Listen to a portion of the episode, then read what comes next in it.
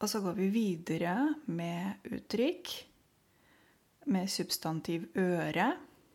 I dag snakker jeg om uttrykket 'å være lutterøre'. Å være lutterøre betyr å høre godt etter. Det betyr å lytte velvillig. At du er der til stede og hører på andre eller det som blir sagt. Som dere legger merke til, de, dette uttrykket ligner veldig mye uttrykket jeg snakket om i går. Men um, uttrykket jeg snakket om i går, å spise ørene, det betydde det samme. Ikke sant? Å høre godt etter og være oppmerksom. Men det var litt mer kanskje fokuset på å spise ørene. Ikke sant? Nesten som Fordi dette her, det, dette uttrykket 'å spise ørene' er mer inspirert av dyrene.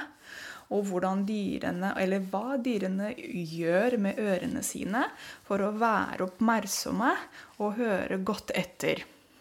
Ikke sant? Nesten som å si å ha sånne skarpe ører. Akkurat som um, knivspisen, ikke sant. Når man skal bruke kniven på kjøkkenet, så er det knivspisen. Altså knivspisen er på en måte toppen, ikke sant. Der hvor er veldig, veldig, den er veldig skarp. Eh, så inspirert av det, så sier man 'å spise ørene'.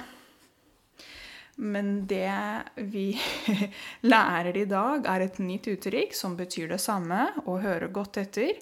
Og uttrykket er 'å være lutterøre'.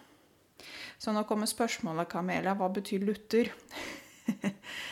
Luther er adjektiv på norsk, og det betyr um, ren. For eksempel um, um, Når man gjør noe av lutter omtanke.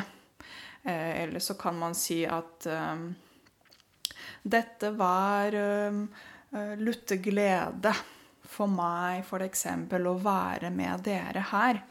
Um, så det betyr ren. Eller uh, ikke annet enn det.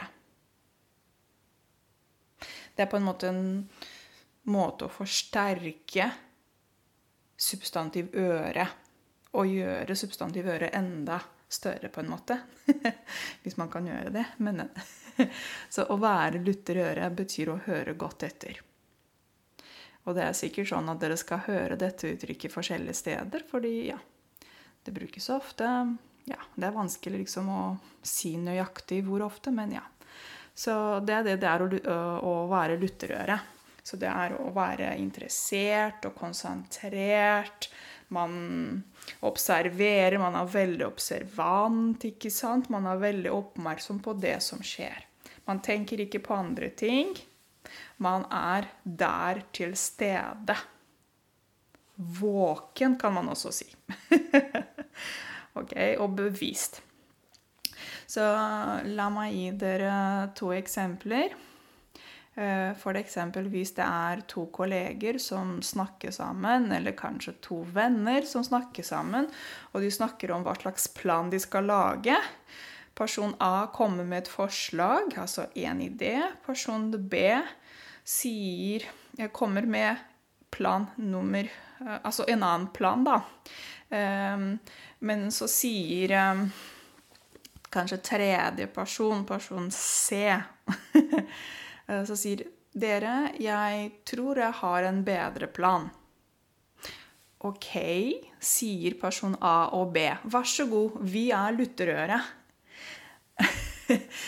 Og det disse to personene A og B sier, er vær så god, jeg, vi, jeg eller vi er lutterøre. Vi hører på deg. Vi er 100% her, til stede, observante, ikke sant? Vi er fokuserte begge, og vi skal høre på hva du sier. Har du en bedre plan enn vi har? OK. Eh, hva mer skal jeg si til dere? Samme konsept.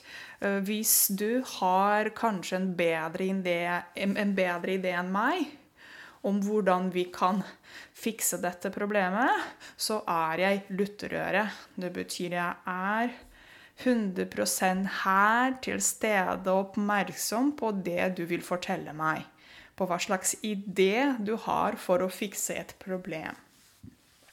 Og å være lutterøre uh, betyr 'to be all ears' på engelsk. Ok? Så ja. Så dere, det var eh, dagens uttrykk. Tusen takk for at dere hører på meg. Jeg ønsker dere en kjempe, kjempefin fredag videre. Og god helg, alle sammen.